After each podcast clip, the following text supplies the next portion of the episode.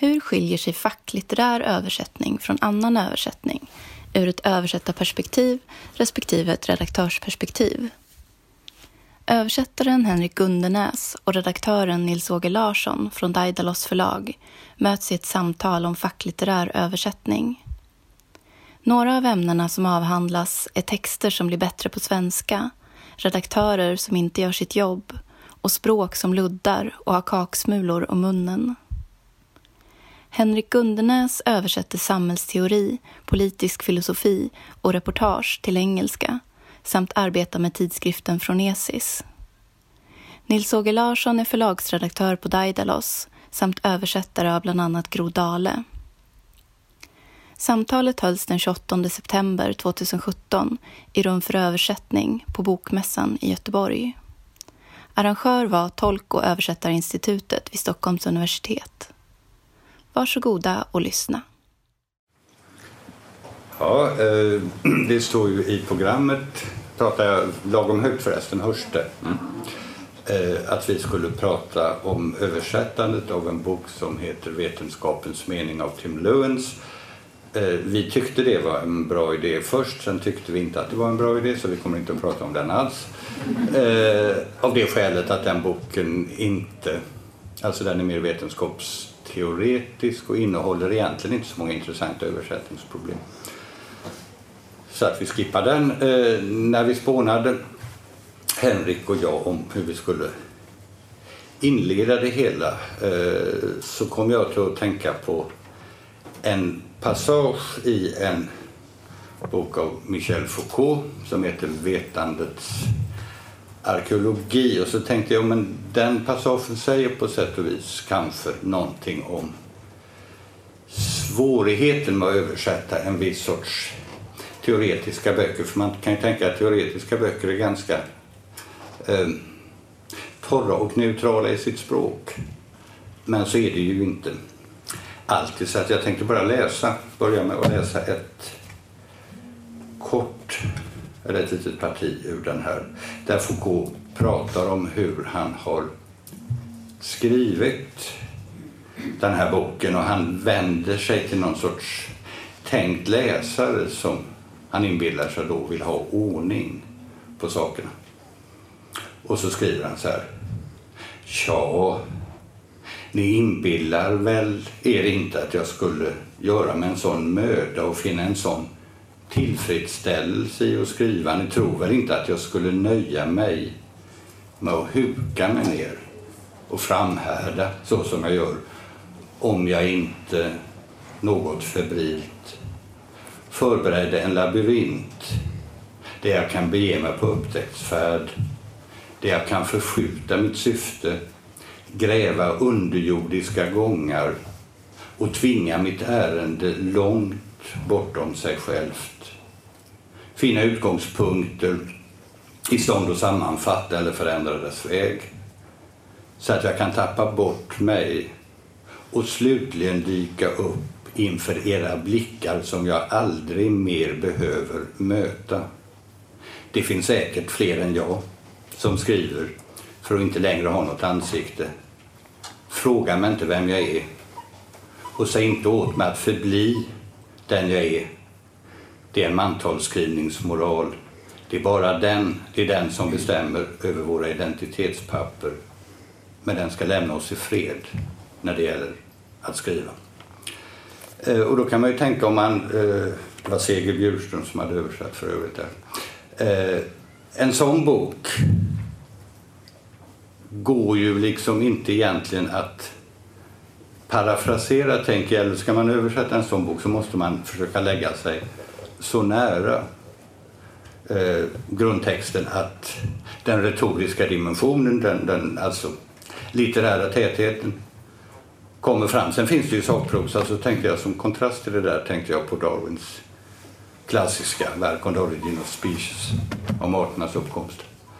Eh, och det är en bok som har publicerats i olika förkortade och populariserade utgåvor eftersom man mycket väl kan så att säga förkorta den eh, och parafrasera den och normalisera den så länge man behåller Darwins argumentationskedja att försöka parafrasera den här halvt oläsliga och till, till, till tre fjärdedelar obegripliga boken skulle jag säga är meningslöst, vore meningslöst. Och jag tänker där har man kanske två ytterligheter så. Eh, ja, nu har jag pratat jättelänge. Nu får du säga någonting Henrik snart. Men jag tänker att Foucault är ju en utmaning. Hur tänker du kring översättbarhet sådär när det gäller ja. texter? Nej, men det där känner jag ju igen, hörs jag. Eh, kanske ska börja med att säga något om vad vi egentligen menar med samhällsteori här. Det kanske inte är alldeles eh, självklart. Alltså, de böcker som jag ofta översätter och som ni ofta ger ut, det är ju egentligen varken läromedel eller eh, kurs, alltså kurslitteratur mm. eller populärvetenskap där allting liksom redan är färdigt och serverat. Så, utan, utan det rör sig oftare då om mera prövande, mera problematiserande texter där de olika teoretiska riktningarna inte alltid sammanfaller med de akademiska ämnesgränserna. Så. Bara helt kort, ni får nöja er med det. Eh, så att vi liksom vet lite grann vad vi talar om. Och ur översätta perspektiv då så tycker jag nog att det finns två ytterlighetsfall ungefär på det sätt som du beskriver, men kanske lite annorlunda. Um, å ena sidan en, en, typ av text som är där det är tydligt att författaren har eftersträvat klarhet och precision och stringens och allt sånt där. Och där det liksom som översättare gäller att göra detsamma. Um, och det innebär ofta att lägga sig nära originalet därför att annars så skulle det inte eh, bli en bra översättning. Det skulle bli en sämre text, en annan bok eh, på svenska än, än, än i originalet. Um, så det är liksom den ena ytterligheten. Va? Den andra eh, ytterligheten är en typ av text som är mångordig, eh, ofokuserad, svajig, Eh, där liksom tankarna verkar halvtänkta. Eh, Bo Strömstedt eh, skrev en gång så här. Det yr av språkets damm. Vi är omgivna av språk som luddar, spiller på sig, har kaksmulor kring munnen. Det skapande ordet är ersatt av det härmande, prefabricerade. Konkretionen överväxt av abstraktioner. Ehm, det tycker jag är rätt roligt och träffande beskrivning av den här typen av text som man ofta stöter på eh, som, som, som översättare av samhällsteori. Och frågan är vad man, vad man ska göra då som översättare. Ska man liksom försöka åstadkomma en svensk text som också spiller på sig? Eh, och hur skulle det gå till? Måste den ha fläckar på samma ställen? Räcker det att fläcka på andra ställen och på andra sätt? Va? Ehm, det där är ju i, praktiken ofta väldigt svårt. Men eh, jag har nog själv allt mer kommit dithän att jag försöker tänka på läsaren också. Ehm, det vill säga, i, i, det blir ofta eh, fråga om att göra en del av det arbete som det utländska förlagets redaktör borde ha gjort, men aldrig gjorde. Ehm, och jag tänker att om man lyckas med det så, så kan man kanske vara lojal både med författarens intention och med en, en tänkt läsare. Då. Det är väl en, en tycker jag, helt, helt rimligt förhållningssätt. Eh, jag har gjort några översättningar själv, inte så många, men en, en av dem jag gjorde var eh, för en bok som Daidalos gav ut om, om eh, klimatfrågan i ett geologiskt perspektiv och det hade redaktören på Princeton University Press inte riktigt gjort sitt jobb så att den svenska översättningen där är bättre redigerad lite grann än vad originalet om jag får vara så fräck och säga, tycka det. Och det tycker jag är helt rimligt faktiskt när det gäller den texten att, att gå in och göra så. Hade det varit en skönlitterär bok hade det ju varit tämligen diskutabelt. Ja, det, det, man kommer nog nära en, en skillnad här mellan viss facklitterär översättning och viss skönlitterär översättning. Jag tänker eh, bara ett, ett, kort exempel till att, att alla som har en åsikt va, tycker det är viktigt att Jürgen Habermas finns på svenska, en tysk socialfilosof. Då. Um, men det är ju ingen som, som säger att ja, vi ska ha Habermas på svenska på grund av hans språk. Utan, utan det är ju tvärtom så nästan att man översätter honom trots att han skriver som han gör. Då. Uh, och, det, och det hänger samman med då att det finns ett idéinnehåll hos honom som, som det gäller liksom att ut, utvinna på något sätt. Um, ja. eh, vilket i och för sig då, då kan man ju för invända att en sån gubbe som Michel Foucault kräver ju en stilistisk ja, eh, trohet på ett annat vis ja, förstås. Så det är klart att det är en, en bedömningsfråga generellt är det nog så tror jag Eh, innan jag gick hit upp till seminariet stod jag och pratade med Gunnar de Hansson, poet och översättare. Om. Jag frågade Gunnar, vad, har du någon tanke om facköversättningar? Och så sa han just det att, att jag tror att man generellt normaliserar mer i facköversättningar eller skönlitterära översättningar för att det så att säga Dels också för att det finns någon sorts föreställning om, om eh, kanske fackprosa, en sorts generaliserad fackprosa, sån existerar ju i och för sig inte. Eh, men också för att i, i skönlitterära sammanhang så har översättaren tillgång till alla de litterära verktygen och måste också använda dem för att det ska bli en bra översättning förstås. Eh, I de facklitterära sammanhangen så förväntar sig kanske läsaren inte stilistisk variation på samma vis. Och sen kan det där vara, vara eh, problematiskt förstås också. Man får ta det från bok till bok. Mm. Eh, vi kan väl sen, alltså sen finns det ju en aspekt till som vi inte har varit inne på än men som är, är viktig att nämna. Och det är översättandet av eh, begrepp. Va? Därför att eh, i samhällsteoretiska eller filosofiska eh, och så vidare texter Eh, så har ju begreppen ofta en avgörande betydelse och det gäller det ju som översättare att kunna området tillräckligt bra för att veta vilka, alltså hur de vedertagna svenska motsvarigheterna ser ut. Och där har du något ganska bra exempel tänker jag från Marx, alltså det här med alienation och förfrämligande. Ja, eh, jo men precis. Alltså, jag översatte just en, en, bok om Marx för, för Daidalos och där, där, kan man ju, där finns det ju olika vägar att gå. Men, eh, men det är klart att ett, man väljer ju ofta ett säkert kort i ett sånt fall och där, där vet man att om man översätter med alienation snarare än förfrämligande eller förfrämlingande som är en tredje variant så, så, är, så är man liksom hemma. Va? Det finns ingen som kommer att angripa ändå.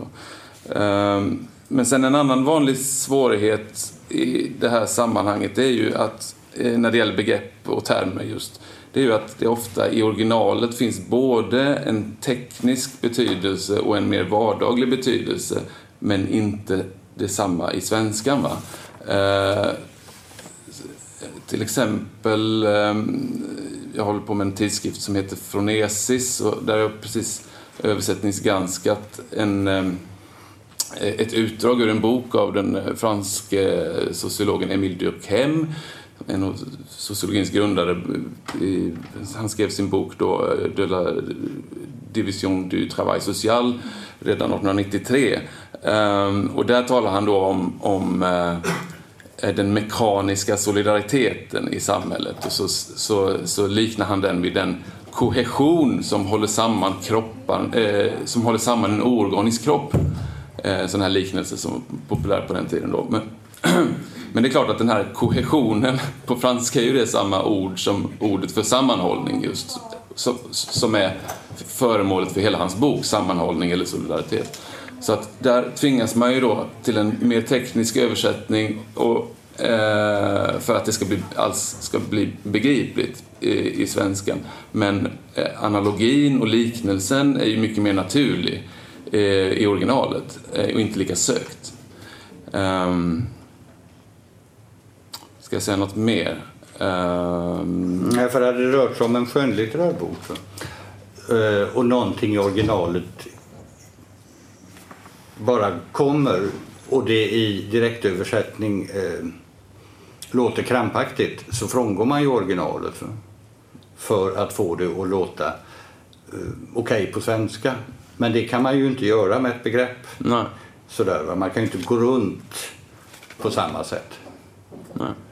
Eh, sen kan det ju vara eh, knepigt ibland. Alltså I den där klimatboken jag översatte så förekom det ett begrepp flera gånger som är gängse i, i eh, klimatologisk facklitteratur, climate forcing heter det. eh, som handlar om alltså faktorer som påverkar klimatet av olika, olika slag. Eh, och det begreppet har ingen motsvarighet på svenska. De som skriver om klimatfrågan, vilket jag själv har gjort i, i min tidigare tillvaro som kulturjournalist, eh, Eh, undviker att prata om, alltså de går runt det, va? det gjorde jag också, det, det, alla som skriver om det på svenska går runt det, men i den här boken förekom det flera gånger. Så jag tänkte, vad ska jag skriva? Klimattvingare, klimatpåtryckare, vad fan. Så att jag hörde med en, en person på universitetet eh, som undervisar i geologi och han sa att jag använder uttrycket klimatmotor. Så det använde jag då i, i, i boken. Sen för skojs skull, eh, för några dagar sedan innan, inför det här samtalet, så googlade jag på uttrycket klimatmotor och fick inte en enda träff. Så att det var inget... Det vann inget gehör, så att säga, mitt förslag. Där, fast det funkar i sammanhanget. Men det, det eh, ett exempel, men det är ju mer sådär lite annorlunda än i, i samhällsteori förstås. Visst. Jag kan ta ett annat exempel på ett fall där jag liksom blev tvungen att tänka till själv. För att eh, även om, alltså man väljer ju ofta standardöversättning om det finns. Va? Eh, men, men ibland så är det ju verkligen inte så. Jag översatte den här boken av eh, belgiska från början, Chantal Mouffe, politisk teoretiker. Ett centralt begrepp för henne är articulation. Um, och hon talar om articulation of demands. Uh, men det här ska inte alls föra tankarna till artikulering eller formulering av krav som man då skulle kunna tro. Va? För att eh, hon använder det här ordet i en eh, specialbetydelse, en engelsk eh, specialbetydelse som är då eh, hopfogning som tillåter rörelse. Ehm, och så att när hon talar om articulation of demand så, så, så, menar hon den inbördes förbindelsen mellan krav. Till exempel mellan kraven frihet, jämlikhet, broderskap. Alltså franska revolutionens eh, slagord. Då. Um, jag översatte till slut här då med sammanfogning eh, av krav. Eh, varför just sammanfogning då? Jo, Eh, därför att eh, MUF hade en lärare på 50-60-talet som hette Louis Althusser. Eh, han använde också begreppet, det finns en viss kontinuitet mellan honom och MUF. Och Jan Stolpe på 60-talet när han översatte eh, eh Althusser valde då sammanfogning så tänkte jag att det kan bli en kontinuitet på svenska på det sättet. Så, så kan det liksom gå till. Det där, är ju, det där var ju liksom en lycklig slump lite grann att, att, eh, att, att Stolpe råkar översätta men, men i alla fall. Ja, nej, men sen finns det ju gott om, om begrepp också som är väldigt eh, svåröversättliga eller halvt omöjliga att översätta så att säga på ett ett rimligtvis ett sånt där klassiskt exempel är ju logos i, som ju betyder ordning och i Johannesevangeliet brukar man översätta det med ordet, ordet var hos Gud och så vidare. Eh, men det betyder ordning, harmoni, kosmisk ordning, alltså det, det, man är ju tvungen att välja.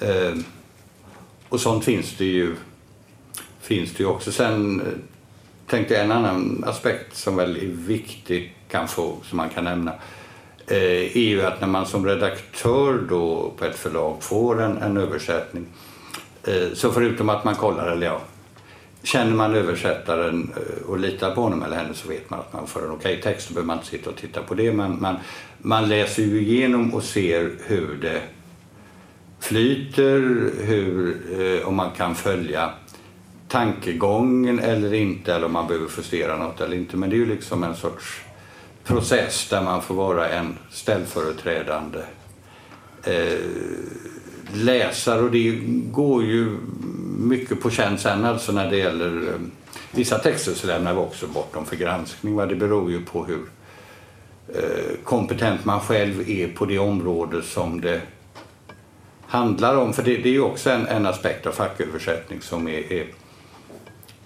är viktig. Alltså det är klart, egentligen vet jag inte om det skiljer så mycket förstås. För också som skönlitterär översättare så måste man ju veta vad författaren pratar om. Man måste förstå vad som står i texten.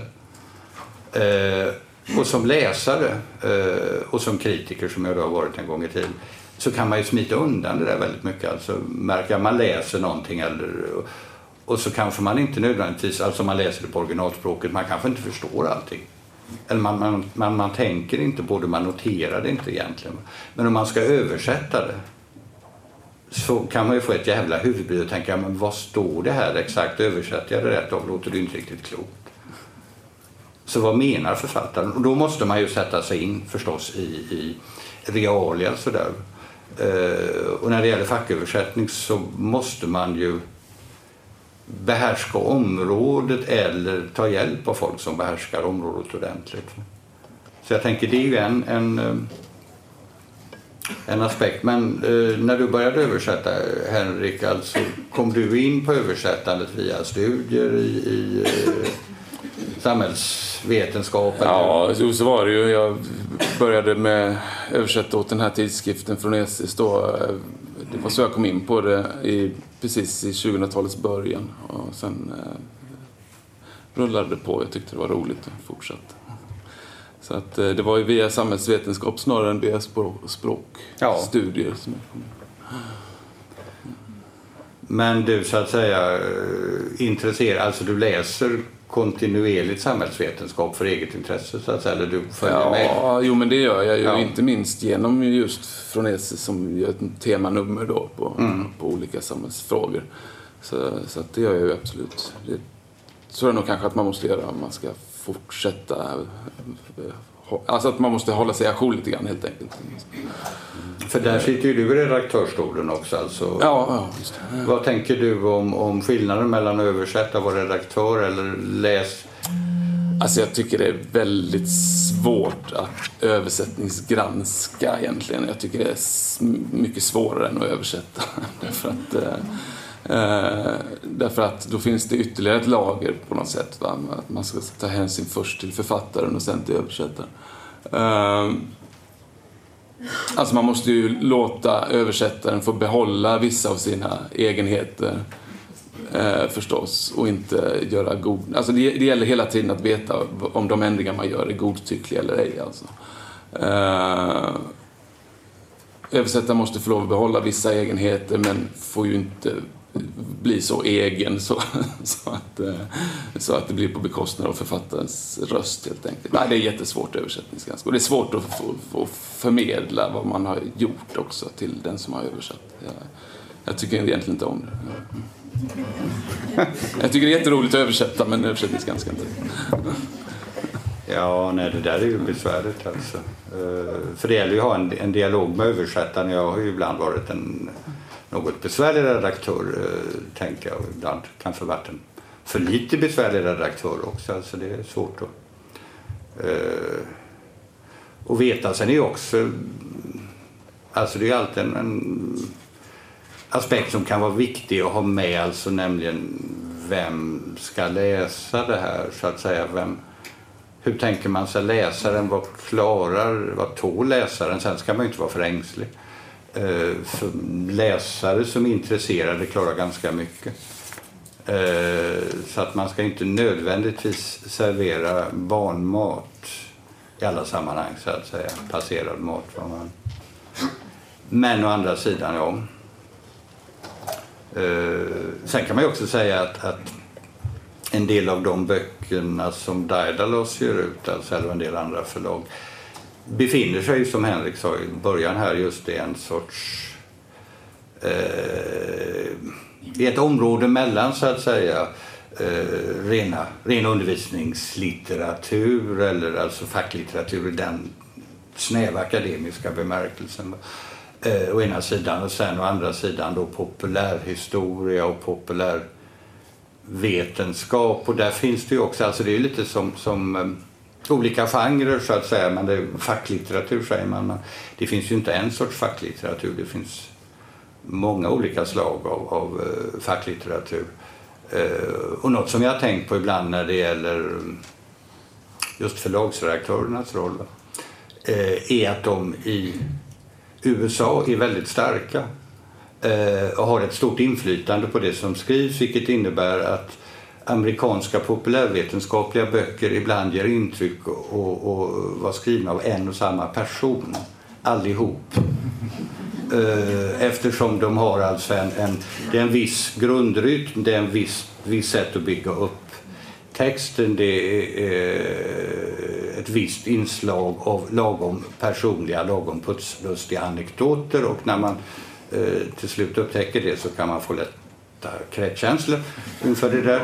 Eh, men det beror på starka, starka förlagsredaktörer. Så det är på gott och på ont det där. Så, sen tänkte jag eh, att vi avslutningsvis eh, bara kunde alltså nämna en eh, text som eh, Henrik här skickade till mig eh, som heter Begrepp inom samhällsvetenskapen, översättningsproblem. Emanuel Wallerstein, eller Stein säger man? Jag vet faktiskt. Ja, om man är amerikan så säger man nog Stein, ja, skitsamma eh, som handlar just om det här med begreppsöversättning och det här är en väldigt eh, Alltså jag ser att det sitter flera översättare här i publiken så att eh, den finns där i det här. Är det Fronesis? Nej, vad är den har varit någonstans i? Nej, den är här. Mm. Ja, just det. Ja. Eh, så läs den alltså, det vill säga att den, den får ju förstås inse då att det är totalt omöjligt att översätta någonting. Ja. Eh, fast det vet ni väl redan allihop här, eller de flesta av er. Eh, han sammanfattar på slutet här ganska fint va, om att eh, jag kan läsa ett stycke kanske som avrundning. Då. Framförallt säger han då, det han syftar då på det han har sagt innan, har jag försökt förmedla det som i samhällsvetenskapens verklighet, eh, att de begrepp den bygger på är dess grundvalar men att dessa grundvalar ständigt omformas på grund av samhälleliga och följaktligen intellektuella eh, motsättningar. Och sen kommer det viktiga, det som gör att man kan gå hem och dra täcket över huvudet om man vill det eller göra någonting annat ibland. Översättaren kan inte översätta på ett intelligent sätt om han, hon inte vet varifrån författaren kommer med vem författaren diskuterar och vad andra, författaren samtida, översättaren samtida, anser om de begrepp författaren använder.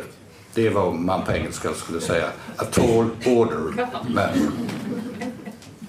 Är det någonting du vill tillägga, Henrik? Nej, det var bra. Jag tänker att det kan vara en bra utgång. Tack ska ni ha.